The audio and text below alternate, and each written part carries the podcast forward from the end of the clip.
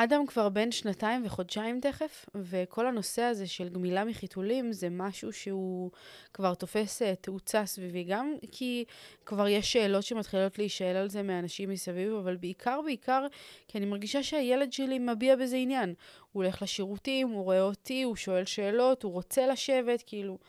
אבל זה אף פעם לא מצליח כאילו ללכת לטווח הרחוק. הוא לא נשאר יותר מכמה שעות בלי, ואז אם כן, אז הוא עושה בטיטול, ואז אני לא יודעת מה להגיד לו, ואני כזה נעה בין אני רוצה לעשות את זה, לבין אין לי כוח לעשות את זה. לבין אני בכלל לא יודעת איך לעשות את זה ואיך לגשת לזה. אז לפרק הזה הזמנתי את אופיר מליחי, אופיר נועה מליחי, שהיא גם חברה יקרה, וגם uh, לקוחה, וגם uh, uh, אישה שאני מאוד מאוד מעריכה אותה מבחינה מקצועית, כי היא עזרה למאות ילדים ולמאות הורים לאורך הדרך, לעזור להם בתהליך הזה של גמילה מחיתולים, בתהליך הזה של um, לקחת ילד ולהפוך אותו למודע ואחראי לגוף שלו, שזה איזשהו תהליך שאנחנו לא מייחסים לו מספיק חשיבות בפן המנטלי. כשילד לוקח את השליטה על הדבר הכל כך בסיסי כמו היציאות שלו, הוא ממש מקבל איזושהי תחושה של בגרות ואחריות, וזה איזשהו, איזשהו משאב, כלי, שכדי להוציא ילדים עצמאיים, אנחנו חייבים לתת להם את האפשרות לגלות את זה, גם אם זה לא נוח לנו. ואני נמצאת בדיוק בנקודה הזאת, שהגמילה זה משהו שפשוט לא נוח לי ואין לי מושג איך להתמודד איתו. אז באמת בפרק הזה אופיר מגיעה והולכת לדבר איתנו, לסד... לעשות לנו קצת סדר בכל הנושא הזה, למה זה חשוב, מתי אני אמורה לשאול את עצמי אם הילד שלי מוכן, והאם בכלל הילד שלי צריך להיות מוכן או שאני צריכה להיות מוכנה. אז פרק 260, גמילה מחיתולים, זה בכלל תסביך של אמהות. פתיח, ואנחנו מתחילות. ברוכות הבאות יקירותיי לעונה השנייה של אימפריית אמהות בצמיחה. אני נועה זגורי, ובשנים האחרונות אני חוקרת את היכולת שלנו לצמוח מתוך האתגרים היומיומיים של החיים. בפודקאסט הזה אנחנו מדברות תודעה, אהבה ואמת, ושמות על השולחן את כל הקלפים. אז רגע לפני שאנחנו מתחילות, תנשמו עמוק, תורידו מסכות, ותהיו מוכנות לצלול פנימה.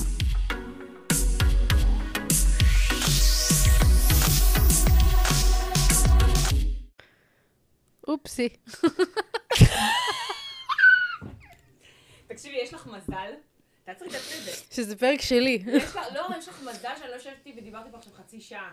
זה, את מבינה? הנה, אתם רואים את זה? כולם רואים את זה? כולם רואים את זה? יאללה, אבוק, פעם אחת לא צילמה אותי, פעם אחת היא לא מקליטה, היא חושבת כולנו פה. אבל שתדעי, זה ככה, זה מקצוענות. פעם אני עשיתי פרק ששלוש פעמים, אחרי איזה חצי שעה, אני קולטת שזה לא עובד. זהו, עכשיו זה עובד. ברוכה הבאה, אופיר מליחי. שתציג את עצמה בשמה המלא, כי שמה השתנה. יא, ככה את פותחת לנו את הפרק? מה, לא? איפה, איפה האנרגיות של פעם? של, של מה שדיברנו. אחיותיי היקרות! אחיותיי היקרות, ברוכות הבאות לעוד פרק. הופה. של אימפרית אימהות בצמיחה. יש פה את האימא הצומחת הגדולה מכולן. משהו. Um, הקלטנו כבר איזה עשר דקות uh, לפני, וזה פוצץ, אז אני ככה אגיד בכמה מילים. תספרי למה זה פוצץ. זה פוצץ כי לא הייתי אחראית ולא בדקתי שזה יתחיל לעבוד. אבל עכשיו אנחנו כאן. נכון. הכל בסדר. ספרי, ספרי, ספרי מיד. טוב, נעים להכיר, לכל מי שלא מכירה. אופיר נועם מליחי, היום אה, מייסדת המרכז הישראלי לגמילה מחיתולים.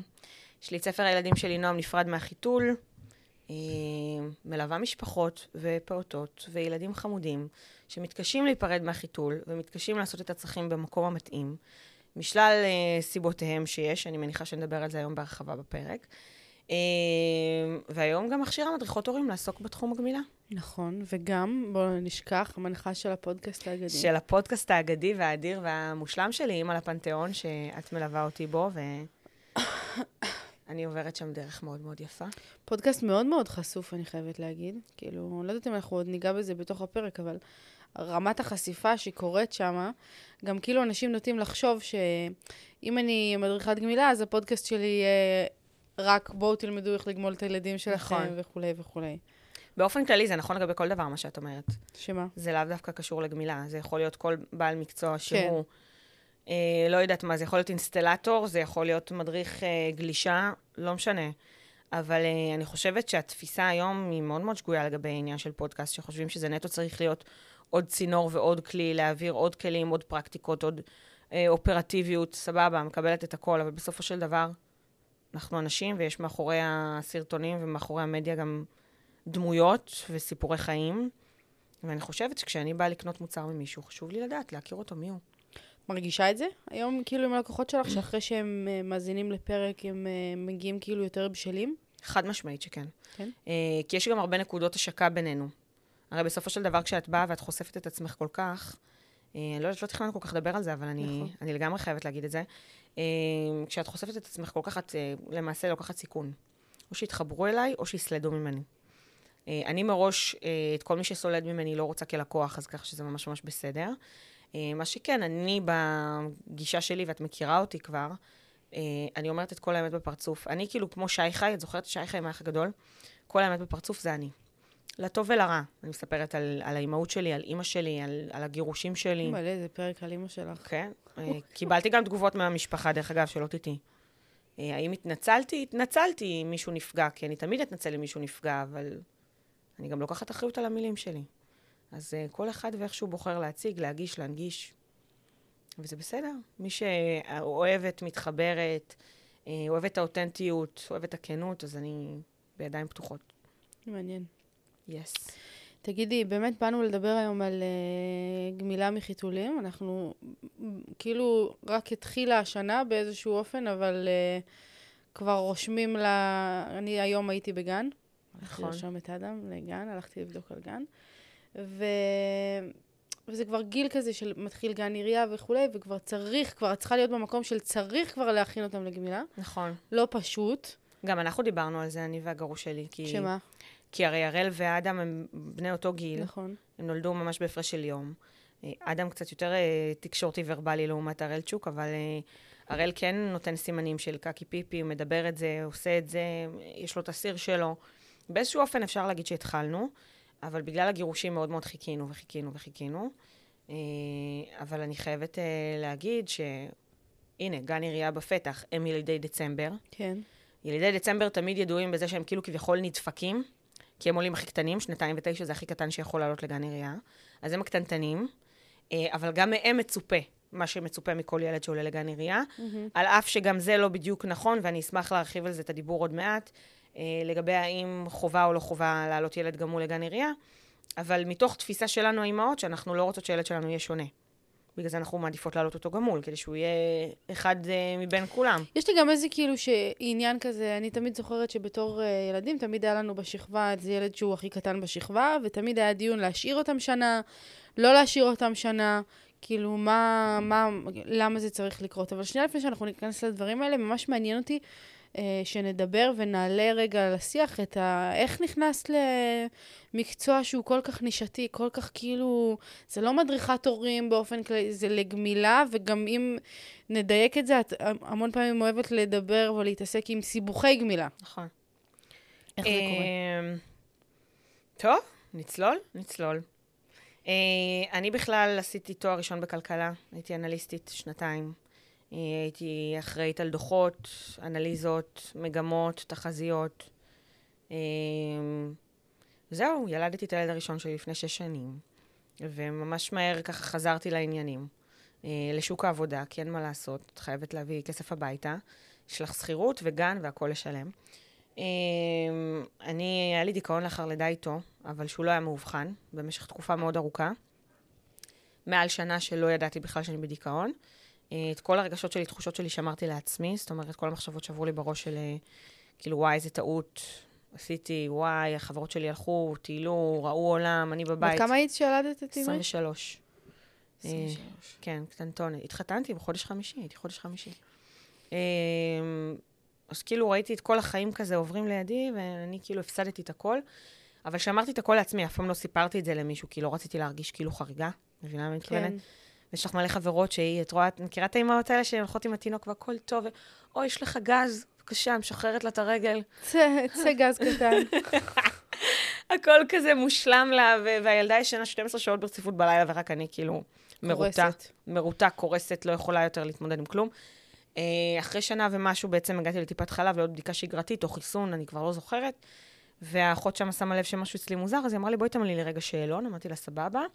אני מלאת את השאלון, היא אומרת לי, גברתי, את נבדקת? אמרתי לה, במה אני צריכה להיבדק? שלחתם אותי כבר לכל הבדיקות, עשיתי בדיקות הורמונים, סוכר, את יודעת, כל הבדיקות של אחרי לידה. אמרתי לי, זה לפי השאלון נראה שיש לך דיכאון לאחר לידה. ואז איך שהיא אמרה את זה, מה זה התחלתי לבכות? כאילו, הרגשתי שירה לי עשר קילו מהלב, והתחלתי לספר לה ולשפוך לה וזה, והיא אמרה לי, תקשיבי, את ממש חייבת לטפל בזה, ו... יואו, איזה קטע שדווקא מולי, זאת הייתה הפעם הראשונה שפתחת את זה. נכון. כי כל השאר את מפחדת. את מפחדת שישפטו אותך. לא אמרתי את זה לחברות שלי, לא אמרתי את זה גם למי שהייתי נשואה לו. הרגשתי שאני לא בסדר, כולם בסדר, את מבינה? אומרים לי, יעבור לי, יעבור לי, עוד מעט יעבור לי, עוד קצת הילד יגדל, עוד יעבור, יעבור. זה לא, זה לא עבר. אמ, ובנקודה הזאת, בעצם שם נכנסתי ללמוד הדרכת הורים. אה, אמרתי שאני לא סומכת על ה... בואי, תיכנסי לפה, בואי תעשי פה פגישה, שם פגישה. רציתי אני להיכנס לתוך העניינים ולהבין את התהליכים שעומדים מאחורי הדברים. ושם למעשה התחלתי פתאום להבין כל מיני תהליכים שלי מהילדות, עם אימא שלי, עם הבית שלי, מה הבאתי איתי, מה לא הבאתי איתי. זיהיתי דפוסים שכאילו, את יודעת, שגדלתי בהם, ופתאום איך זה מתחבר גם כשיש עוד צד. כן. כאילו, זה לא רק אני, גם מי שהיה בעלי, הוא מביא את האמונות שלו, את הדפוסים שלו, אני מביאה את הדפוסים שלי. אה, נכנסתי לעולם הדרכת הורים. התחלתי להבין מה קורה לי בבית, טיפלתי גם בעצמי במקביל, אה, והתחלתי לעבוד בזה. בכל הקשת הרחבה שאומרת הדרכת הורים, שזה סדנאות. בחרת הדרכת הורים בגלל שהרגשת שאת צריכה עזרה בלהבין איך עושים את זה? כן. כאילו, איפה זה היה? כן, כן. להבין מה אצלי לא בסדר. להבין את התהליכים שעומדים מאחורי. כאילו, איך אני הולכת לעשות את זה? קודם כל, התחלת את זה מללמוד רגע בשביל עצמי. חד איך משמעית. אני הולכת לעשות את זה בתוך הבית שלי, עם נכון. הילד שלי. נכון. ומה התהליכים שעומדים מאחורי? לא עניין אותי הכלים בתכלס. כי הרגשתי שזה פשוט ישים לי פלסטר. ואז מה גילית כשהתחלת, כאילו, כשנכנסת ל... את כל תיאוריית ההתקשרות. שמה מכירה? היא אומרת? מכירה? אני מכירה, אבל בואי תרחיבי לי. אה, וואי, את הכי התקשרותית, את. נכון. את הכי. אה, למעשה, התיאוריה הזאת אומרת שברגע שתינוק, ילד, פעוט, לא משנה מה, אה, חווה איזושהי נטישה, או חווה איזושהי סיטואציה שהוא קשה לו להתמודד איתה, שהיא מציפה אצלו כל מיני, אפילו ברמת ההורמונים בגוף, אה, הורמונים שהם אה, של חרדה, של סטרס, של לחץ, זה לא משנה מה זה. זה יכול להיות אה, תינוק קטן שאימא שלו רגע יצאה ונכנסה, זה יכול להיות ילד שפתאום חווה איזושהי חרדה חברתית, אה, חרם בכיתה, לא משנה מה. אה, הוא תמיד, הרי אנחנו, בשאיפה שלנו זה לחזור לדמות המטפלת שלנו, לדמות ההיקשרותית שלנו. אנחנו תמיד רוצים לחזור לחוף מבטחים שלנו. אה, וכשזה לא קורה, אז יש הרבה הרבה דפוסים שנטמעים בנו, אה, והרבה הרבה דברים שאנחנו לוקחים איתנו קדימה, שהם כביכול דברים שהם פחות טובים, נקרא לזה ככה. כמו מה? אה, כאילו, מה זיהית? מעניין אותי לדעת, מה זיהית כשגילית על הגישה, על הגיש, על הגישה הזאתי? מה זיהית בתוך הבית שלך שמצריך אה, שימוש בשיטה הזאת? מה שקורה בגישה ההתקשרותית, מה זה שיטה? זה, זה קיים, זה הוכח. אה, כל ילד, פעוט, תינוק, גם אנחנו, כ... אנחנו ילדות של, כן? אמנם אנחנו בת, בנות 29, אנחנו ילדות של. אה, תמיד אנחנו נשאף לקשר הראשון שלנו. הקשר הראשון שלנו זה הקשר שלנו עם אימא שלנו בדרך כלל. אה, מה שקורה, שאנחנו לא שמות לב, אבל אנחנו משחזרות דפוסי התקשרות, ואנחנו מעבירות את זה מדור לדור. כאילו, אנחנו משחזרות למעשה את איך שאימא שלי התנהגה איתי, ואז בדיוק. אני מעבירה את זה לאיך שאני מתנהגת עם נכון, הילדים שלי. כי ככה נבנית לך התפיסה של מה זה אימא. כשאת, כל המענים שאת קיבלת לצרכים שלך, כשאת היית תינוקת, ילדה, פעוטה, לא משנה. זה דברים שנטמעים בך מ- עוד מלפני הלידה בכלל. אמ, זה, זה מה שמייצר, בש... נקרא לזה הבניות במוח, הבניות כאלה, אה, שככה את תופסת אימהות, ככה את תופסת להיות אימא, Mm. ככה את תופסת איך לתת מענה לצורך. וכשפתאום מגיע תורך להיות בכובע הזה, התפיסות, האמונות, הדפוסים, כל מה שאת פשוט מופיעים. מופיעים, כי, וזה נשלף מאיפשהו. זה לא אינטואיטיבי, זה לא, אה, אוקיי, ראיתי את זה באיזושהי סדרה בטלוויזיה. זה נשלף לך ממקומות שאת חווית על הבשר, וואו. הבנת? ומה, מעניין ממש, עכשיו שאת אומרת את זה, אז מה שמת לב, ש... איך את מתנהגת, כאילו? וואו, הקרירות, החוסר מענה, חוסר זמינות רגשית לילד. ולא, את לא, את לא יודעת לקשר את זה דווקא לדיכאון, כאילו, למה שחווית שזה... קודם כל זה יכול להיות. אה, דבר שני, אני לא ידעתי, אני לא הייתי במודעות לתופעה הזאת בכלל שקיימת, לא משנה כמה קראתי והתכוננתי ללידה, את אף פעם לא באמת מוכנה עד כן. שאת חווה את זה בפועל. אה, אז לא, לא ידעתי, אבל זיהיתי בהרבה אוטומטים שלי, הרי איפה זה מופיע, ההבניות האלה? באוטומטים שלך, בפעולות הראשונות שיוצאות ממך, ולא באלה שמצריכות ממך מחשבה. תני לי דוגמה. סתם לצורך הדוגמה, בתוך זוגיות. אוקיי. את עכשיו... לא, תביא לי דוגמה בתוך בתוך הבית עם הילדים. אה, כשילד מתחיל לבכות. אוקיי. יש את אלה, נגיד כמוך, שאני מסתכלת עלייך כשאת היית מגיעה עם אדם אליי הביתה, ואני עם שלושת הילדים וטירוף וג'ונגל אצלי בבית. עכשיו, את יודעת, קורית איזושהי סיטואציה שהיא מלחיצה. פתאום הילד נחנק ממשהו, הילד בוכה ממשהו. אני באוטומט שלי בסטרס. הגוף שלי מייצר סטרס. אני לא יכולה לשמוע ילד בוכה. וואלה. לא יכולה. אני גם שומעת ילדים אחרים בוכים, זה קשה לי בגוף. זה מפחיד אותך? אני חושבת שבהתחלה זה הפחיד אותי. מאוד מאוד פחדתי להישאר איתו לבד, פחדתי שהוא יבכה לי, את יודעת? די. כן. אבל כי כאילו אם הוא יבכה, אז מה, אני, איך אני אטפל בזה? אני, אני צריכה שקט, אני לא יכולה לשמוע את זה. אה, זה כאילו מעצבן אותך. זה גם מעצבן אותי, כן. אוקיי. וזה מאיפה זה מגיע? משם, ימים ימימה. כן. אז למה אנחנו שונות? למה את כזאת? למה את עם סבלנות? יושבת אצלי בבית. למה אבל אחותי? זה לא שתסתכלי על אימא שלי ותגידי, אוי, היא גידלה אותי עם האדמה הרגועה הזאת. ברור שלא. אימא שלי נשמה. היא ברור רואה- שלא. היא שומעת את אדם בוכה יותר מ-30 שניות, כבר עולה לה הפיוז, היא סוגרת את הדלת והולכת. אין, אני לא יכולה להסביר את זה. זה משהו במענה שאת קיבלת לעומת במענה שאני, שאני קיבלתי. זה יושב על 90% את מזה. לא חושבת שזה קשור גם אה, באופי של בן אדם? ברור שיש גם כאילו עניין של בקטע של, טמפרמנט. אני נגיד הגעתי לאימהות מאוד, אה, למרות שגם אני אכלתי דיכאון רציני, אבל כאילו הגעתי עם המון אה, איזושהי הבנה על איזה גישה אני רוצה לגדל את הילדים אז שלי. אני לא. אז זהו, אני חושבת שגם זה מאוד קשור, כאילו, למדתי מונטוסורי לפני שילדתי, לפני שאני חושבת בזמן ההיריון שלי התחלתי לקרוא על זה, ועקבתי אחרי כל מיני כאלה אנשים וזה. אז כאילו הייתה לי עשית איזה... הכנה. כן. אז כאילו הגעתי עם איזשהו רצון או להבין, לדמיין איזה משהו, לא כי היה לי אה, אה, איזה משהו מאוד... תשמעי, אני. לא שמה את כל, ה... את כל ה... כף המאזניים רק על אימא שלי. הכל, הכל בסדר איתה. אה, זה מה שהיא ידעה, וזה מה שאני ידעתי, וזה מה שאני למדתי. עכשיו, זה יכול להיות קשור גם בטמפרמנט שלי, שזה, אני תמיד אומרת להורים, זה, פר... זה פרמטר X, זה משתנה נעלם. כן. כשנגיד, לצורך הדוגמה, אני מגיעה לתהליך גמילה מסובך, גם אם אני יודעת בדיוק מה צריך לעשות, אני תמיד אומרת להורים, בואו לא נשכח, יש כאן משתנה נעלם. יש טמפרמנט של ילד, אנחנו לא יכולים לדעת איך הוא יגיב. אז ברור שיש גם את הטמפרמנט שלי, אה, שאת מכירה אותי, אני קצרה, אני פתיל קצר, אני אש, פלפל, איך שתרצי לקרוא כן. לזה. וזה גם קשור במוכנות, אבל זה גם קשור מאוד במה אני קיבלתי או לא קיבלתי, וכשאני לא מקבלת, גם אני לא נותנת. אוקיי, אז נניח הבנו, אז הבנו כאילו שיש אה, באמת את ה... מאיזה בית גדלתי ואיזה... מה אני ספגתי כילדה. זה פחות באיזה בית גדלתי, זה כאילו מה ספגתי כילדה, כתינוקת, נגיד ככה. תינוקת, ילדה, זה לאורך כל החיים. ואז כשאני לומדת את, ה, את הגישה ההיקשרותית, אז כאילו מה אני מתחילה ליצור כישורים חדשים? מתחילה ליצור איזה שהן אה, פעולות חדשות? מאוד קשה. מאוד קשה. אבל זה, זה יכול לקרות. אז זה מה, שה, זה מה שהתיאוריה הזאת מלמדת, לא? נכון. היא מלמדת אותי כאילו ליצור התנהגויות חדשות כדי לשנות את, ה, את הפרה-היסטוריה הזאת של הזיכרון שלי. אפשר לעשות את זה. את כל ההבניות הקיימות אפשר לשנות. ככל שאת יותר גדולה, מן הסתם יותר קשה לעשות את זה, כי את נוצר אצלך איזשהו קיבעון. כן. זה האוטומטים שלך. זה לא רק שינוי אמונות, זה בכלל יושב בכלל על פרשנויות, ודרך שבה את מסתכלת על הדברים. כי גם את הפרשנויות שלך, דרך אגב, קיבלת מהבית. ה- כאילו את הפרשנות שלי לסיטואציה. כן, לצורך הדוגמה, את יכולה עכשיו להקרין על מסך סיטואציה. גם אני וגם את נשב ונראה את הסיטואציה במסך. את תגידי א', אני אגיד ב'. כן, למה יש את השוני הזה?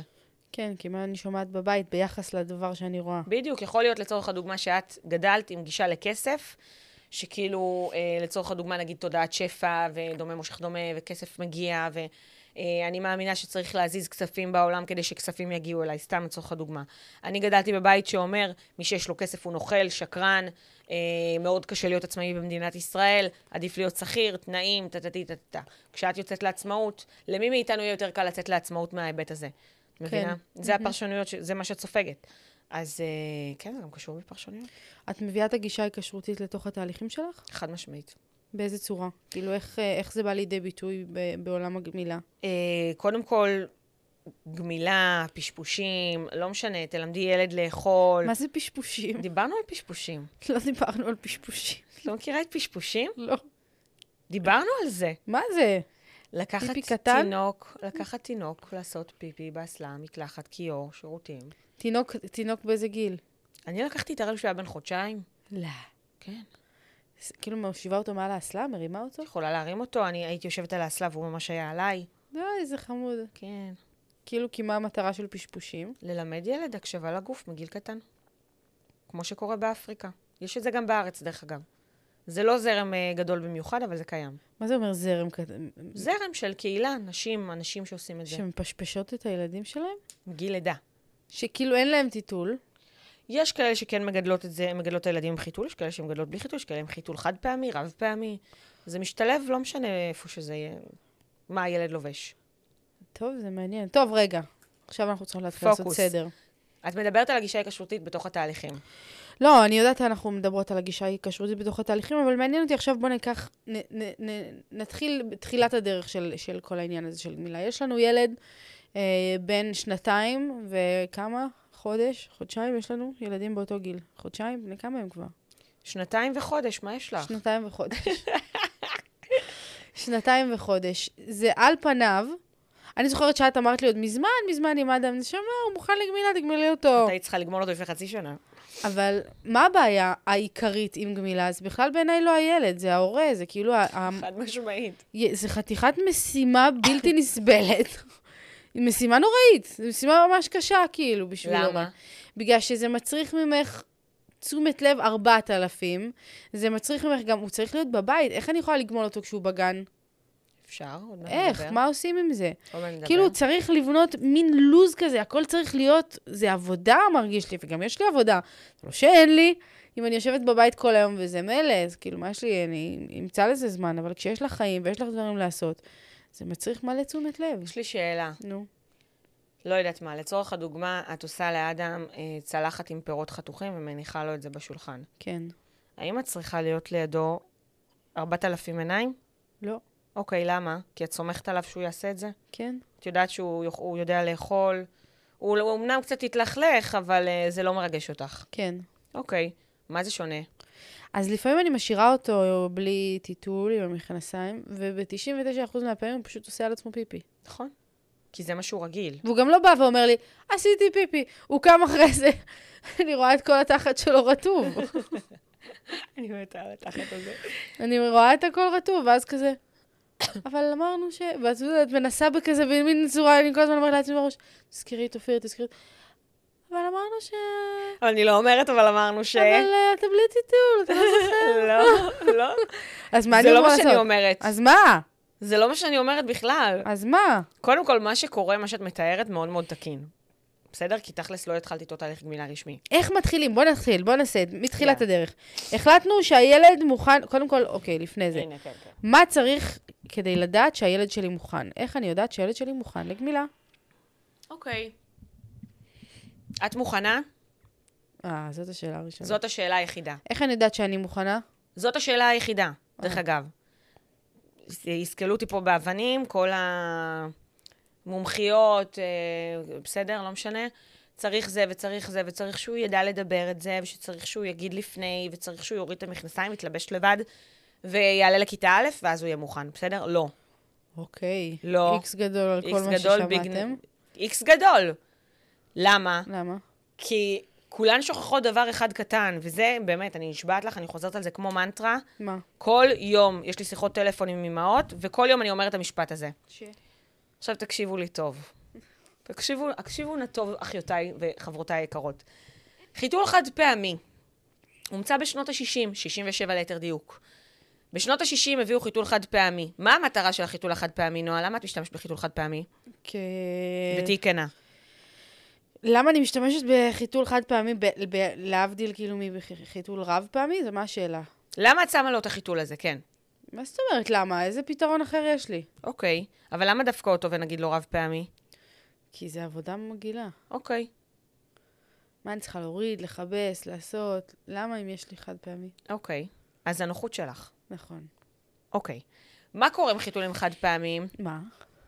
למה את צוחקת? אני לא שופטת אותך, גם אני שמה חיתולים לא, חד לא. פעמים, גם אני מגדלת את הילדים שלי בתרבות המערבית, הכל בסדר. לא, לא, סתם זה מצחיק אותי, נו. אוקיי. Uh, היום כל הפוסטים בפייסבוק הולכים, uh, אשמח להמלצה לחיתולים חד פעמים, כאלה שסופגים כמה שיותר, כאלה שלילה שלם. Uh, את רואה uh, תינוקות בני שנה uh, לובשים חיתולים מידה 5, 6, 10, רק בשביל שלא יצטרכו להחליף להם. מה הקטע? שהחיתולים האלה מנווני תחושה, אוקיי? ברגע שתינוק עושה פיפי, הכל נספח לחיתול, אחרי שנייה הוא לא מרגיש כלום. לבשת את התחתוני קוטקס אחרי הלידה? את זוכרת את התחתוני כן. קוטקס? איזה מגניבים הם. מאוד. את מורידה אותם פעם בחמש שעות, עשר שעות, מחליפה, גם את שמה לך פדים כזה, והכל כן, סבבה. לא רציתי להחליף, לא רציתי להפסיק עם זה. מיכו איזה יום אחד אמר לי אחרי ש... את עדיין צריכה את זה? אני כזה, כן, נראה לי. כן. לא יודע, זה וואי, הם סבבה. נוכחים של החיים. אוקיי, תתארי לך שאין לך את התחתוני קוטקס, ואת אחרי הלידה שמה רק אה, תחתוני כותנה. נורא, צריכה להחליף כל חצי שעה. נכון. אוקיי, מה ההבדל בין זה לבין זה? זה? סופח סופג, זה לא. כשזה סופח סופג, את לא מרגישה כלום. נכון. כשזה לא, את מרגישה רטובה, את מרגישה איכסה. את רוצה להחליף את זה, את רוצה להתנקות, אוקיי? זה בדיוק אותו דבר עם החיתול חד פעמי. כשהבאנו את החיתולים חד פעמיים, תחשבי שברגע שאדם נולד, אולי הוא היה עלייך אור לאור, שעה, חצי שעה, כן. לאחר מכן חיתול חד פעמי 24-7 מחייו, למשך, עכשיו הוא בן שנתיים וחודש, יש ילדים שמתחילים תהליך בגיל שלוש שנים. 24-7, מורידים רק למקלחת, לים, לבריכה, לא משנה מה, נכון. מחזירים. אז הילד יתרגל, הגוף יתרגל לא להקשיב לעצמו. הגוף יתרגל לחוסר תחושה. אז כל ציפייה מילד שיבוא ויגיד לפני שיש לו, היא תלושה מהמציאות, היא לא הגיונית. אני לא אמורה לצפות שאדם יגיד לי לפני זה, יש לי פיפי, בוא נלך לשירותים. לא. יש ילדים שעושים את זה, אני לא שוללת. יש ילדים שיש להם מודעות גבוהה על אף החיתולים. הוא אומר לי שיש לו קקי לפעמים, גם הראל. כשבא לו, אבל זה מאוד משתנה ואין שום הסבר הגיוני, אין, אין, אין שום כאילו... את לא יכולה להבין את הדפוס, מתי הוא אומר לי, מתי הוא לא אומר מתי הוא רוצה לעשות, אבל מתי הוא למה לא אין רוצה. דפוס? למה? כי גם את מבלבלת אותו. את פעם עם חיתול, פעם עם תחתון, פעם זה. אם זה יהיה משהו עקבי, לא תהיה לו ברירה אלא לבוא להגיד כל פעם. אוקיי, וממה את מפחדת? שאלה טובה. מה זה, הניקיון? כי ניקיון הרי לא מלחיץ אותך. לא, לא ניקיון. אה, זה לא שאני מפחדת כמו שכאילו אמרתי לך מקודם, זה מרגיש לי כמו... מרגיש לי כמו איזה משימה מאוד מאוד ארוכה, ו... ושאני לא יודעת איך להתמודד איתה. אני חושבת שגם הבעיה העיקרית זה שבאמת אין לי מושג מה אמור לקרות. מה נורמלי, מה לא נורמלי, איך כאילו אמור לעבור יום, מה עושים עם גן, כאילו אין לי שום תמ- תמונה בראש, אני אימא פעם ראשונה. יכול להיות שזה יושב פשוט על חוסר ידע, כן, כי את הרי, נגיד, כל דבר אחר בחיים שקשור להורות שלך, הצטיידת מראש בכלים ובידע, ואז כשכבר היה לך, והיית רוויה בידע, ידעת לקראת מה את נכנסת. כן, זה מרגיש כאילו כל התחום הזה של גמילה הוא תחום שהוא, אנחנו כאילו, אם לא הלכת למישהי שהיא מלווה אותך ומסבירה לך ואומרת לך בדיוק איך לעשות, אז את כאילו קלולס לגמרי, כאילו, מי, מי, מי, מי אמור ללמד אותי איך עושים את זה? מי אמור אני ללמד אגיד אותי? לך עוד משהו, אה, יותר מזה, אה, בכל דבר היום בהורות, בכלל, גם אה, לא משנה איזה תחום תבחרי, יש, על כל אחד שיגיד משהו, יש עשרה שיגידו בדיוק ההפך. כן, אז את לא יודעת איך למצוא את עצמך ולהבין מה נכון לך. נכון. את מבינה? כי יש נגיד, יש אימהות שאני יכולה לספור אותן על יד אחת, כי אני בדרך כלל לא מושכת את הקהל הזה, אבל הייתה אימא אחת שהגיעה אליי לתהליך, ליוויתי אותה לתוצאות מטורפות, ילד עם חרדת קקי. את לא ראית ילד שמפחד מקקי בצורה הזאת, עם חיתול. ופעם בשבוע כבר היה עושה, פעם וואו. בשבוע, וצרחות, ובכי. הבאתי אותם לתוצאות ממש ממש טובות. אה, ועדיין לא סיימנו את התהליך, אבל היא אמרה לי, תקשיבי, עם הילד שלי זה יעבוד רק בצעקות. אה.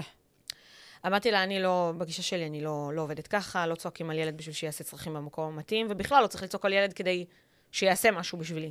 אבל בסדר, אם זה, זאת הגישה שלך, אז אנחנו לא, לא מתאימות. אבל יש כמוה, יש כמוה גם מדריכות הורים שהם כאילו, אה, ההורה צריך להיות סמכותי, והוא השולט, והוא מכתיב את הקצב. מה, לא שמעת אצלי בסטורי את הסיפור על הזאתי? על מי? על המדריכת הורים שאמרה להורים, אה, תיקחו את הילד אה, בכוח לשירותים, ואם הוא לא מוכן לעשות קקי, תכניסו אותו למקלחת קרה. אה, שמה סיפרת לי את זה. סיפרתי, איזה- אנחנו סיימנו תהליך.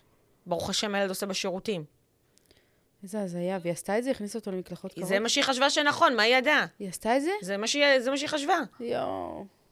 אי אפשר לשפוט אותה, היא הלכה לבעלת מקצוע, שילמה לה כסף. זה ממש, כאילו, זה ממש נורא, שבאמת יש הרבה מאוד תחומים, וזה אחד מהתחומים האלה, שאת כאילו אמורה לעשות משהו, הילד שלך עולה לגן עירייה, את אמורה לגמול אותו, אבל על, על פי מה? כאילו, גם אין איזה משהו שהוא כזה סטטוס קוו, אז אוקיי, זה מה שעושים. כל אחד באמת אומר משהו אחר, לפי מה אני גם אמורה לבחור. גם הפסיכולוגים של הגן, דרך אגב. מה?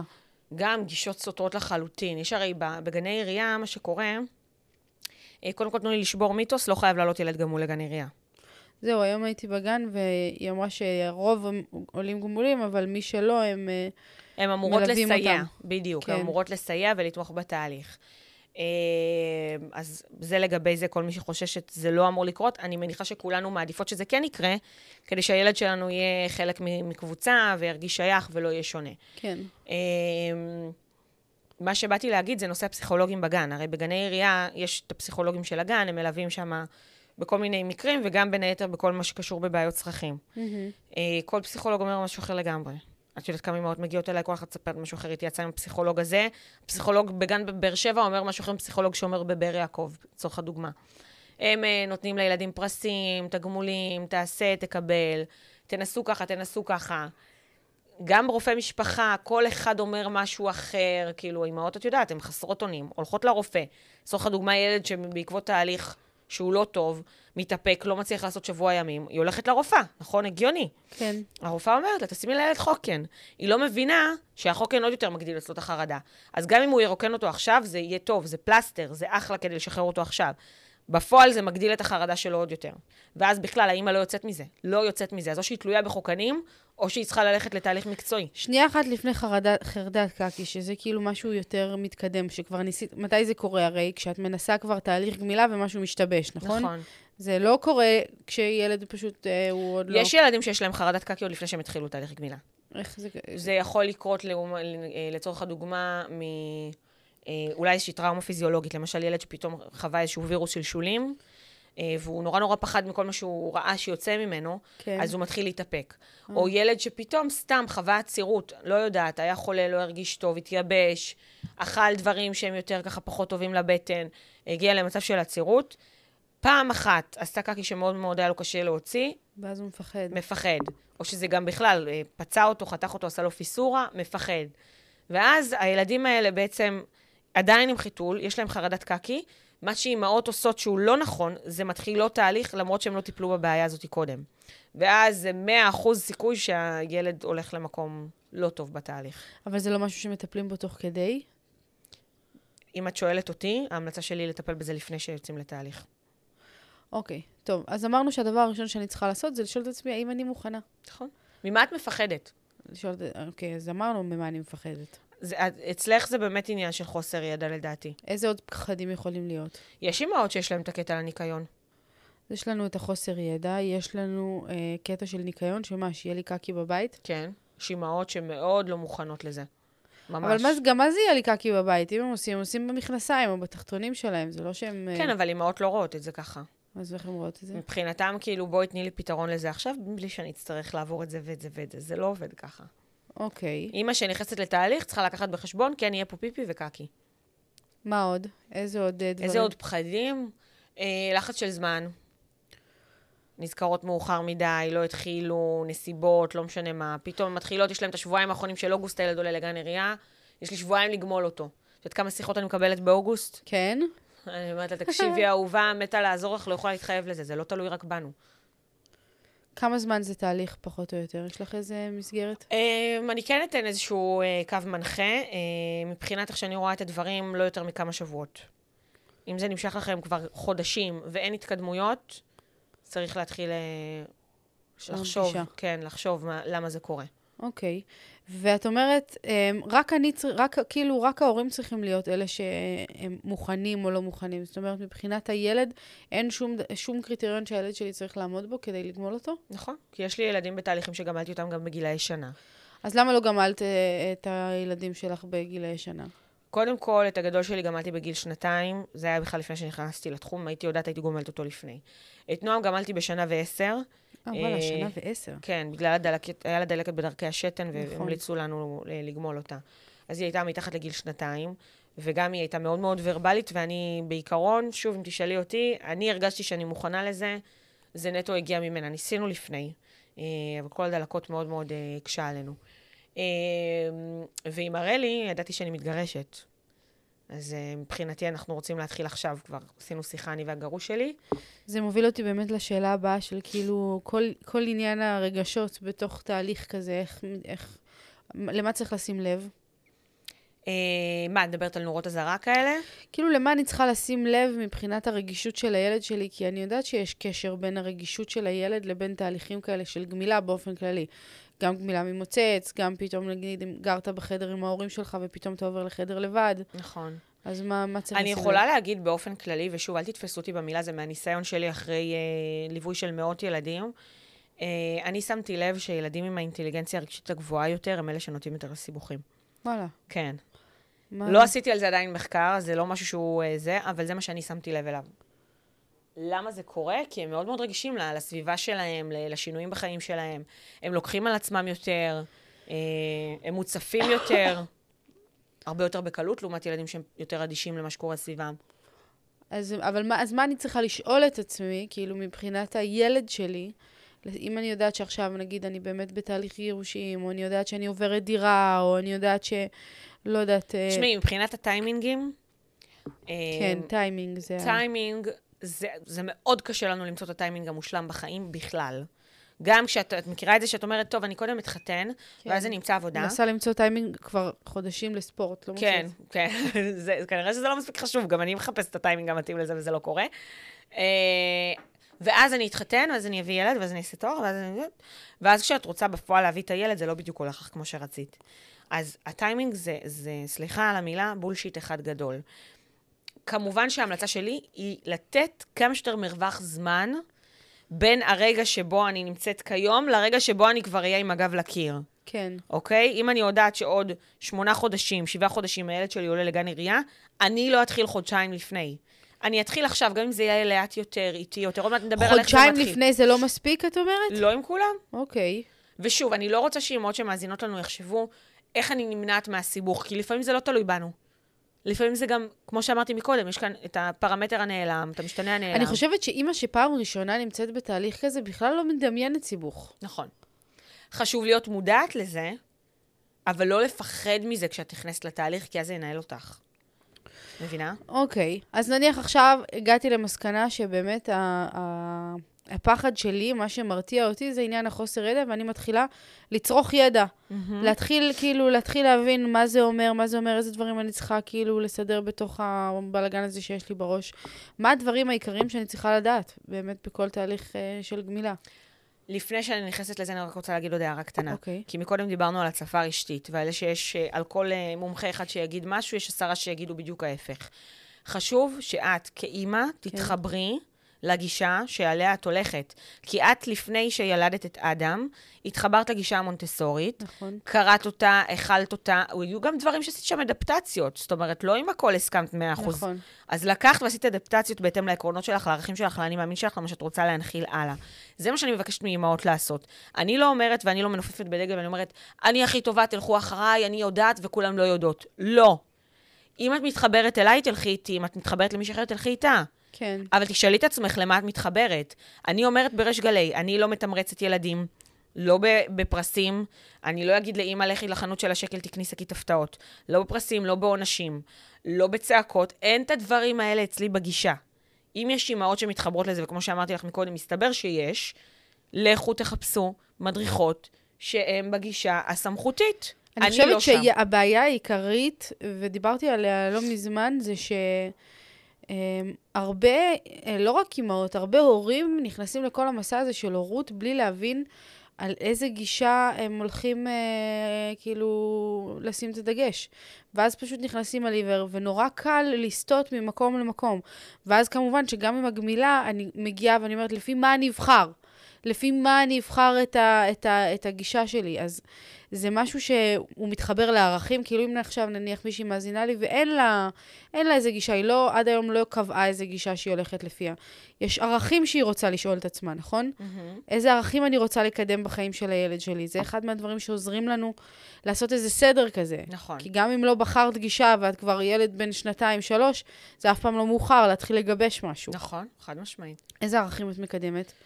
קודם כל, הקשבה. אה, גם אני כאימא לעצמי, ופחות אה, לרעשים, כי הנה, גם היום הייתה לי שיחת טלפון בבוקר עם אימא שאומרת לי, הנה, ההוא אמר לי ככה, היא אמרה לי ככה, אני כבר הלכתי לאיבוד, לא יודעת איפה למצוא את עצמי. אני אומרת לה, תקשיבי, אני בשיחה היום לא אגיד לך מה את צריכה לעשות, אני אספר לך על עצמי, אני רוצה שבסוף הש- השיחה תשאלי את עצמך שאלה אחת, האם זה מה שאני רוצה לילד שלי? האם זה מה שאני מאחלת לו? אז הקשבה גם לעצמך כאימא, וגם לילד שלך. פחות לכל מה שמסביב, למה שהגננת אומרת. אני מצטערת, שוב, אני לא רוצה כאן להכפיש אף גננת, יש גננות מקסימות ומדהימות, ומאוד מקצועיות, אבל יש גם כאלה שהן לא.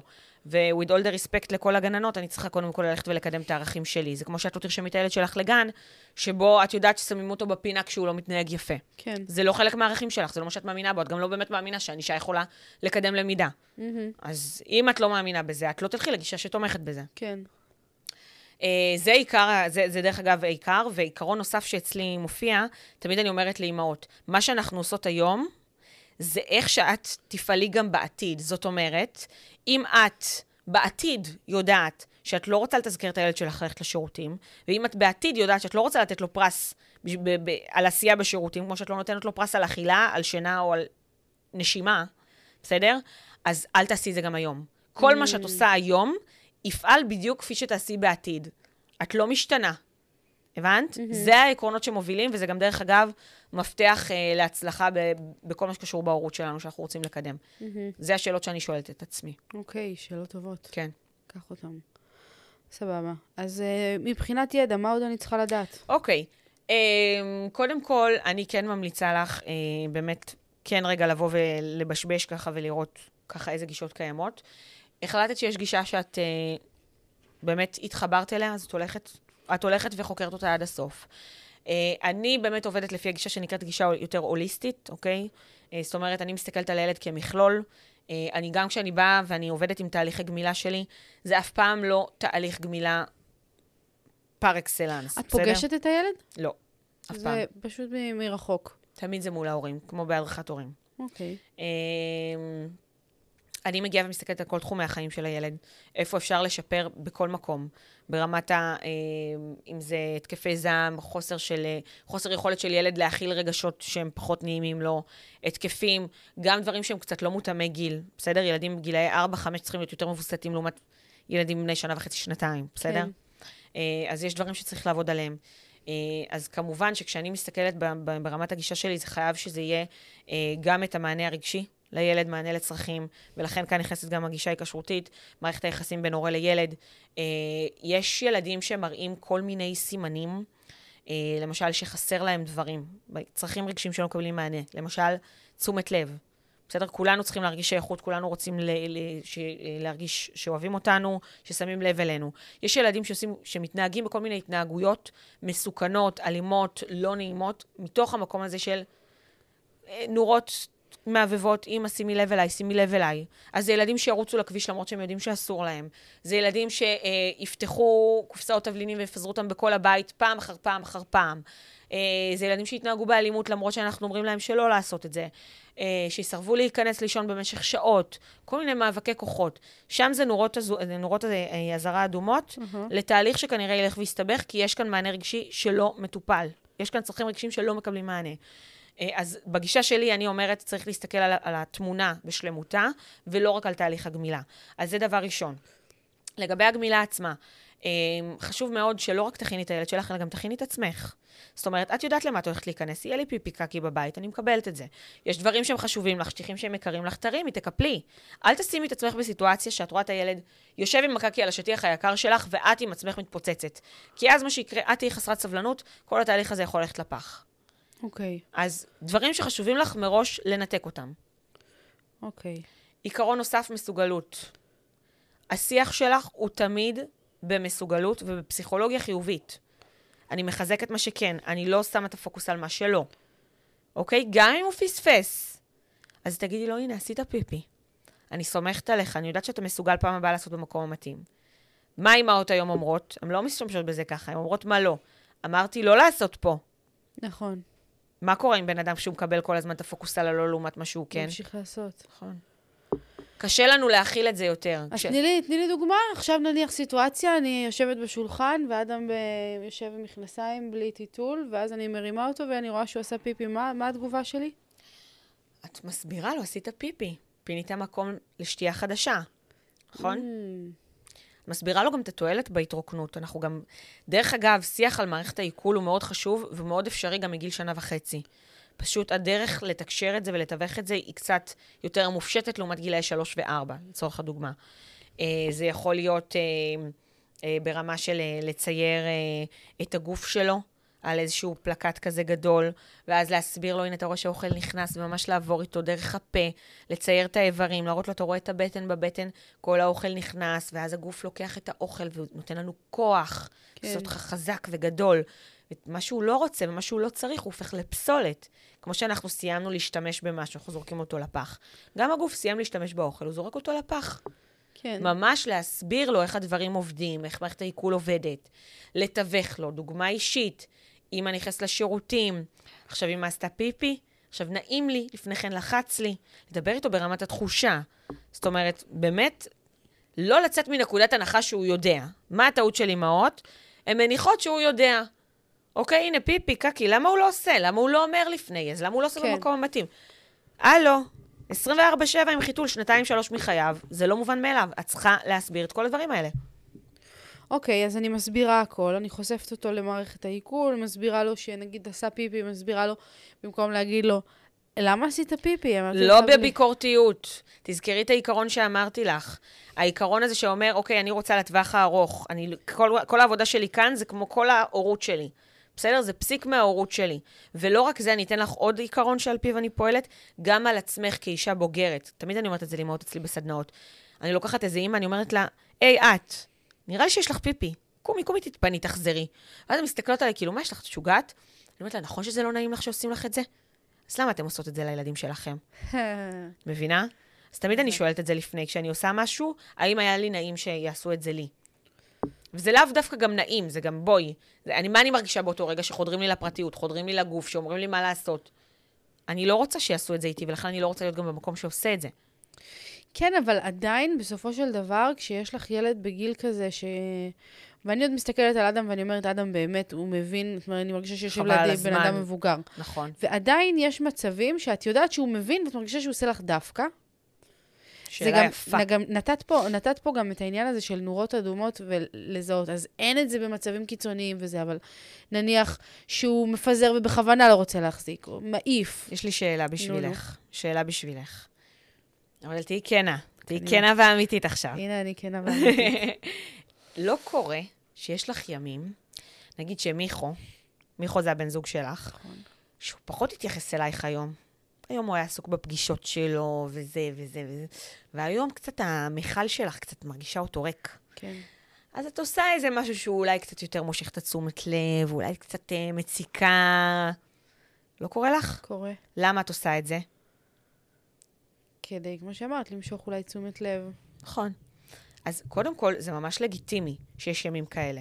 בסדר, כולנו בני אדם, כולנו אנושיים, כולנו מונעים מהרגשות האלה. כן. אז גם אם יש ימים כאלה, זה ממש בסדר. פשוט תשאלי את עצמך באותו רגע, מה הוא מנסה להגיד לי? מה הוא לא קיבל היום? וגם אם את מרגישה, וגם זה דרך אגב נקודה. הרבה אימהות שאני מדברת איתן בטלפון אומרות לי, מה, אני כל היום עם הילד. זוכרת שראיינתי פה את קורל, אצלי כן. בפודקאסט? בדיוק כן. על זה דיברנו.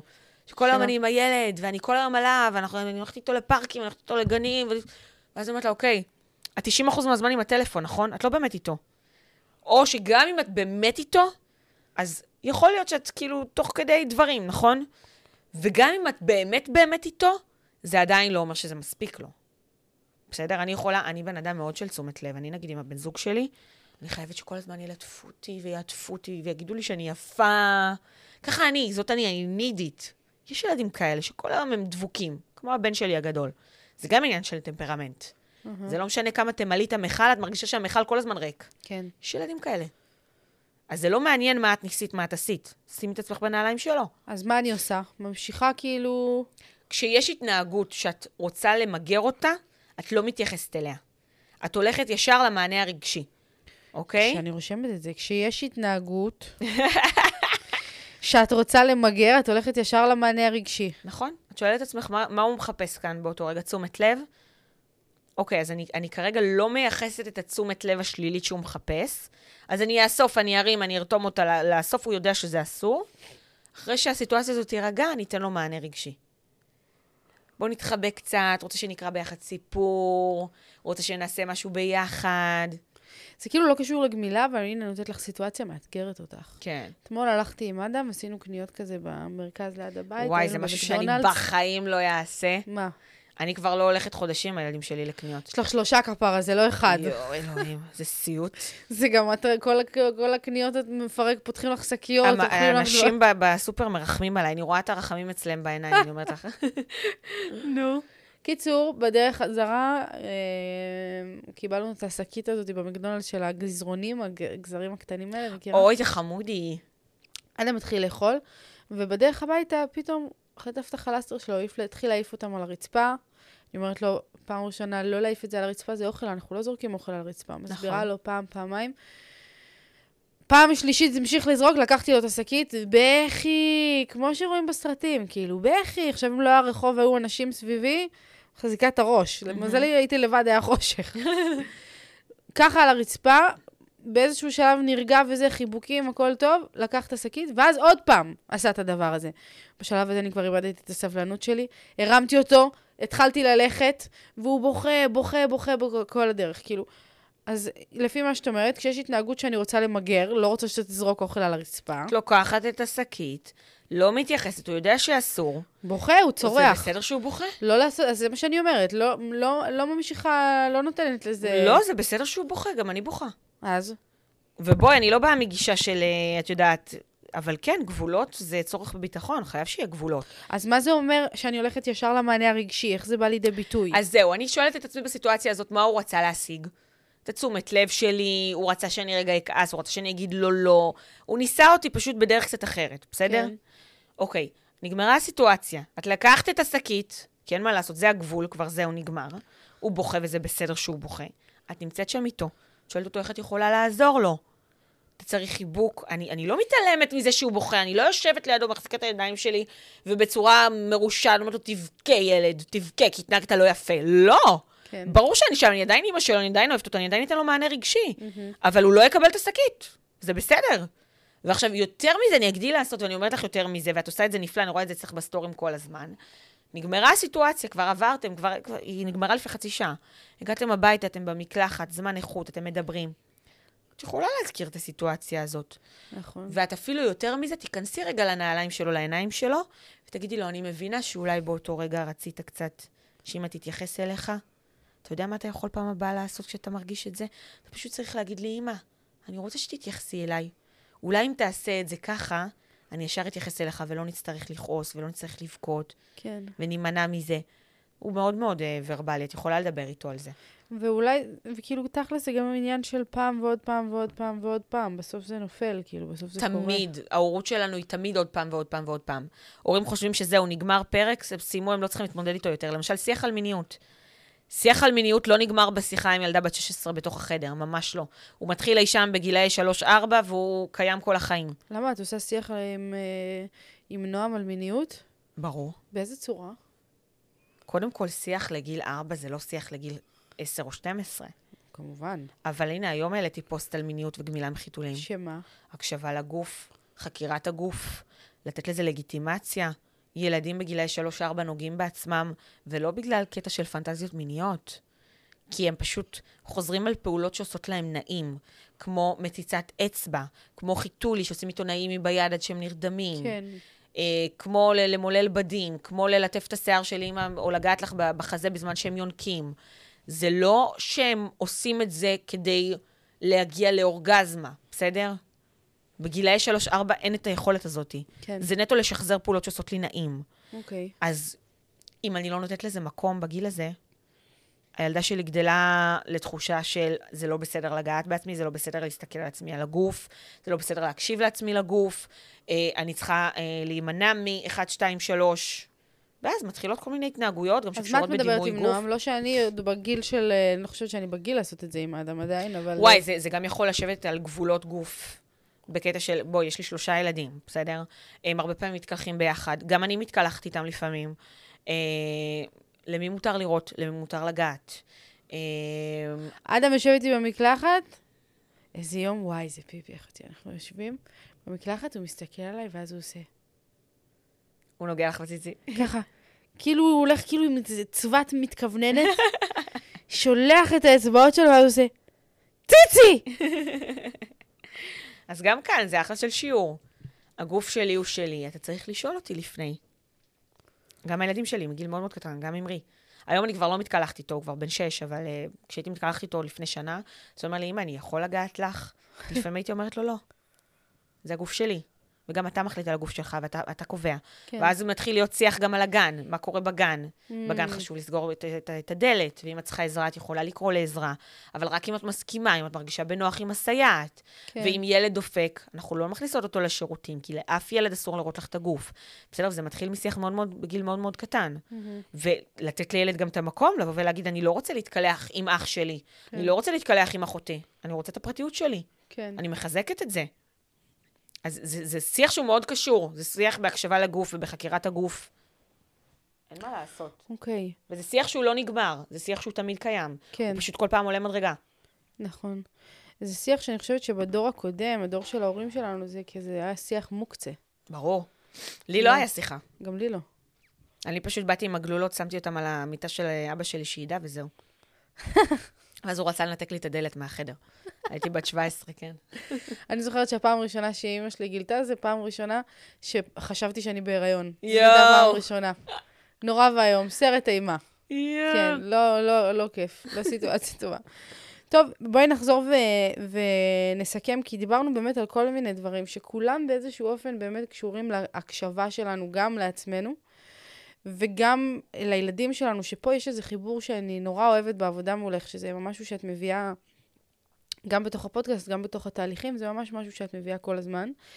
על הקשר הזה בין, ה, אמ, בין החיבור לעצמי, להיות קשובה לעצמי ולהבין מה אני אומרת, מה אני צריכה, איך אני משתפרת, איך אני גדלה, ואת זה ללמד את הילדים שלנו. וגמילה מחיתולים זה אחד מהכישורים האלה שילד עושה בין באמת להקשיב לגוף שלו ולהבין מה זה אומר שלוחץ לי בבטן, מה זה אומר שאני עושה על עצמי פיפי, מה זה אומר שכולם עושים בגן ואני לא. כאילו, זה כל נכון. הקשר הזה שהוא מאוד מאוד חשוב. אז באמת דיברנו על זה בכל מיני זוויות, ואני רוצה שנסכם את זה, שעכשיו כזה לצאת, לצאת לדרך. יש לי פה שתי שאלות שהן שאלות מאוד חשובות שאני לוקחת איתי. אחד, זה האם היה לי נעים שיעשו את זה גם? כאילו, עכשיו שאני מסתכלת על אדם, אם אני אומרת לו משהו, או אני פועלת באיזושהי צורה בעניין של הגמילה, לחשוב, קודם כל, לפני שאני אומרת לו משהו, היה לי נעים שהיו אומרים את זה לי? מהמם. מהמם. והדבר השני זה מה באמת הוא מנסה להגיד לי. נניח, כי אם אני יודעת שהוא מודע, כי אדם מאוד מודע, אם אני יודעת שהוא מודע ובכל זאת הוא עושה פיפי בת, בת, בתחתונים או במכנסיים, אז מה אני, מה, מה, מה אני חושבת שהוא מנסה להגיד לי? אבל מה יכול לעלות? כאילו, אם אני לא קוראת את המחשבות של הילד שלי, מה יכול לעלות אם הוא עושה פיפי בתחתונים? כאילו, מה, מה זאת אומרת? מה הוא יכול- מנסה להגיד לי? קודם כל, זה יכול להיות באמת תשומת לב. זה יכול להיות באמת, גם אני עסוק במשחק, וכרגע אני לא מבין את החשיבות של לעצור את הכל וללכת. אה, אז לתווך גם את זה. אבל שזה יהיה בשיח מכבד, בגובה העיניים. אדם, עשית פיפי. פעם הבאה שאתה מרגיש שפיפי מבקש לצאת, אני סומכת עליך שתעצור את הכל ותלך תלך להתפנות, ואני אגיד לך גם יותר מזה, אתה יכול לקחת איתך את המשחק. או לתת לאימא לשמור עליו. או אוקיי. שאם הוא באמצע טלוויזיה, תוכנית שהוא אוהב לעצור, אני יכולה לעצור את התוכנית בשבילך. זה מאוד חשוב שתקשיב לגוף שלך. ועכשיו פרקטית, שהילד שלי נמצא חצי יום בגן, יותר מחצי יום. Uh, קודם כל, עד שאת לא מסיימת בבית, אין לך מה להתחיל בגן. מה זה אומרת שאני לא מסיימת בבית? אחר הצהריים שלמים, שהילד בבית, מהרגע שהוא מגיע, כאילו זה עד השלב הראשון. המקלחת. מהרגע שהוא מגיע עד המקלחת, בלי טיטול. כן. אוקיי. ברגע שאתם שם מלאים בהצלחות, ביססת את זה באחר הצהריים, את מתחילה עם הגן שעות הבוקר. מה עם לילה? לילה משהו זה אחר? אחרון, אחרון, אוקיי. אחרון. אחרון בס- בשרשרת. אוקיי. אבל uh, ברגע שאחר הצהריים שלכם מלא, מתאמת עם הגן, אומרת לה, תקשיבי, אנחנו אחר הצהריים הצלחות, גם סופי שבוע הוא מסתובב חופשי, הכל טוב, אנחנו יכולים להתחיל בגן. ואז מתחילים בגן מהרגע שאת שם אותו בבוקר, עד השנת צהריים שבדרך כלל שמים להם חיתול. זהו, השלב אחרי זה זה כבר שנת צהריים, ובשלב האחרון זה שנת לילה. אוקיי, אז עכשיו יש לי כבר ממש מידע. הדבר הראשון שאני צריכה לעשות זה איך שהוא חוזר מהגן, להוריד את הטיטול ולתרגל איתו עד, ה- עד לפני השינה, כאילו שהוא בלי. בדיוק. ואז אני יודעת, יש לך את כל הזמן הזה, כל הזמן הזה אתה יכול לעשות פיפי בתחתונים עד שאנחנו נלמד, פעם אחרי בדיוק. פעם אחרי פעם. בדיוק. ואז גן, וגם בגן הם שמים טיטול, ואז כאילו הלילה זה כבר שלב אחר של uh, התמודדות. הלילה, אני גם ממליץ כאן לכל מי שמקשיבה, לא לחכות. סיימתם את כל היום, הילד גמול במהלך כל היום, בגן, בבית, לא משנה לאן אתם הולכים, להצגה, למשפחה, גמול. תתחילו לילה, אל תחכו, יש אימהות שאומרות, טוב, בסדר, לא לחוץ לי, לא דחוף לי, משאירות ילד עם חיתול עוד שנתיים, שלוש, ואז גמילת לילה זה משהו מאוד קשה לעשות, הגוף כבר לא... המערכת שאמורה להעיר אותך, את הגוף שלך כדי להתרוקן, היא כבר קשה לה מאוד לעבוד, ולהשמיש אותה מחדש יכול לקחת עוד שנים. אוקיי. כן. טוב, בסדר גמור. אני האמת קיבלתי מלא מידע, מלא מידע טוב, אני לא מרגישה שיש, טעית, כאילו, שיש דברים שנשארו לי חסרים. אני מרגישה שאני מסופקת מבחינת המידע, יכולה לצאת לדרך. יאללה. יש עוד דברים שאת uh, חושבת שצריך לדעת? חשוב לשים עליהם את הדגש? לא, אני חושבת שדיברנו על הכל. אמרתי הכל מהכל. זה היה ממש טוב. רק נותר לי לאחל לכם בהצלחה ולא להילחץ, לזכור שאתם כל הזמן נוגעות בפיפי וקקי בדרך כזאת או אחרת. זה לא משנה אם זה דרך החיתול או דרך התחתון. להכל יש היום ניקוי, גם לשטיחים וגם לספות, אז ככה ש... Um, כל העניין הטכני של מגני מזרון וכזה במיטה, וזה משהו, יש משהו מסוים שאת ממליצה עליו? אה, חוץ מהעובדה שהילד לא או יהיה חשוף לשים לזה. נניח סיר בחדר? סיר בחדר לגמרי אפשר. סיר בחדר. ברור, גם אני שמתי לילדים שלי סיר בחדר. אתה, אתה מרגיש בלילה, אתה יכול לקום, לרדת לבד, לפני השינה, לעשות. אחרי זה, לאט-לאט, כשהתהליך מתבסס, להש- להשאיר את הכל בחדר אחד, בחדר שירותים. אבל בתור התחלה, להיות יותר חופשיים, יותר לזרום, לא להיות מקובעים. Mm, בכלל, להפעיל שם גמישות. כמה שאפשר, כדי לעזור לילד. אוקיי. טוב, אחותי היקרה, יאללה, היה פה ערך לפנים. בהצלחה אני לכולם. יודעת שהוא הולך לשנות פה. מי שגמלה את הילד שלה בזכות הפרק הזה, מבקש, או עזבו גמלה את הילד שלה, מי שיצאה לדרך, מי שכל הזמן כאילו אומרת, אני צריכה להתחיל עם זה, מה אני הולכת לעשות, מאיפה מתחילים וכולי, ושמעת את הפרק הזה וקיבלה איזה בוסט של ביטחון, פשוט לעשות, לצאת לדרך, תגידו לנו, כן, שתפו אותנו. ספרו לנו שזה, שזה נתן לכם את האומץ לצאת לדרך, שהיא פתאום לא נשמעת לי כזאת מפחידה, אני חייבת להגיד את היא האמת. באמת לא מפחידה. זה הכל בראש שלנו. אז את מתחילה עם הראל עכשיו? אנחנו באמת מתחילים, כן. זה חייב להיות בתיאום, אצלנו זה קצת מורכב. שני בתים, אני חייבת שהוא י- יגיב כמוני. אנחנו קבענו אה, שיחת נכון. זום, כן. זה עוד נקודה אחת שבא לי אולי לסיים איתה, כל כן. העניין הזה של אה, כאילו גישות שונות בין ההורים, או שנגיד, כמו שאת אומרת, גירושים, ואז הילד פה או שם. וואי, זה מאוד קשה אם הגישות הן שונות. אנחנו, למזלנו, אני יודעת מראש שהן לא שונות, כי גמלנו שני ילדים ביחד, אז אה, אני יודעת שבקטע הזה אנחנו מאוד מאוד... אה, זה, הוא גם אמר לי, אני סומך עלייך את אשת המקצוע, מה שתגידי אני אעשה. אה, גישות שונות בהורות, מה- ממליצה, כן. ממליצה בחום, אה, כן לבוא, להגיע לפגישת ייעוץ לפחות, אה, הדרכת הורים, או באמת ייעוץ גמילה, אה, למצוא את, את העמק השווה. על מה מתפשרים, על מה לא מתפשרים, כי מאוד קשה על גבול הבלתי אפשרי. כשיש שתי גישות שונות. בטח, הילד מרגיש את זה מאוד. בטח. אם, אם אצל אבא הוא יקבל X, אצל אמא הוא יקבל Y. ואת רואה את ההבדל בתהליכים כאלה לעומת תהליכים שההורים שניהם ביחד חזית אחת. כן. איפה אפשר למצוא אותך? אינסטגרם, טיק טוק. אופיר הגומלת. כן, לא, אבל אנחנו היום שינינו את שמנו למרכז הישראלי לגמילה אה, מחיתולים. היום שיניתם את זה? אה, מה זה היום? אה, בשבועות האחרונים. עכשיו אם אני מחפשת אותך באינסטגרם, את לא הגומלת יותר? עדיין הגומלת, אבל אפשר גם בעברית לחפש אותי המרכז הישראלי לגמילה מחיתולים. אה, גם בפייסבוק, אופיר מליחי, אה, טיק טוק, הגומלת, אינסטגרם הגומלת. האם שלי הכוכבת על כן, התותחית. ועוד חודשיים מתחילה אצלי גם הכשרה מספר שלוש למדריכות הורים מטפלות רגשיות, אז אם יש כאן גם כאלה בקהל שרוצות ללמוד את תחום סיבוכי גמילה, אז גם שמה, זה כאילו מדריכות הורים שרוצות... אה, רוצות להתמקצע, והפעם באמת להבין את תחום הגמילה, ולא ללמוד אותו על רגל אחת. מה, תני לי איזה במילה, במשפט, כאילו, מה צריך לקפוץ למדריכת הורים שיגיד לה, וואלה, זה הכיוון שלך. תלכי על זה. וואי, מיני, אה, בטוח, אין מדריכת הורים שלא נתקלה בזה. אין. יש המון פשוט מדריכות הורים שלא ידעו איך להתמודד עם זה, אז הם ויתרו על זה מראש. Mm-hmm. אבל יש להם את הרצון לעזור להם. פשוט רק לעבוד על היכולת. ברגע שיש לך את ארגז הכלים, הנה, כמו שאת התמלאת עכשיו, בכלים יש לך את הביטחון לצאת, אותו דבר גם איתן. אוקיי. Okay. טוב, יקירתי, תודה רבה. תודה לך. אנחנו ניפגש בפרק הבא של אימא לפנתיאון. וגם אה, אימפריה, שהיא מאוד בצמיחה. יאללה, צ'או. צ'או, צ'או.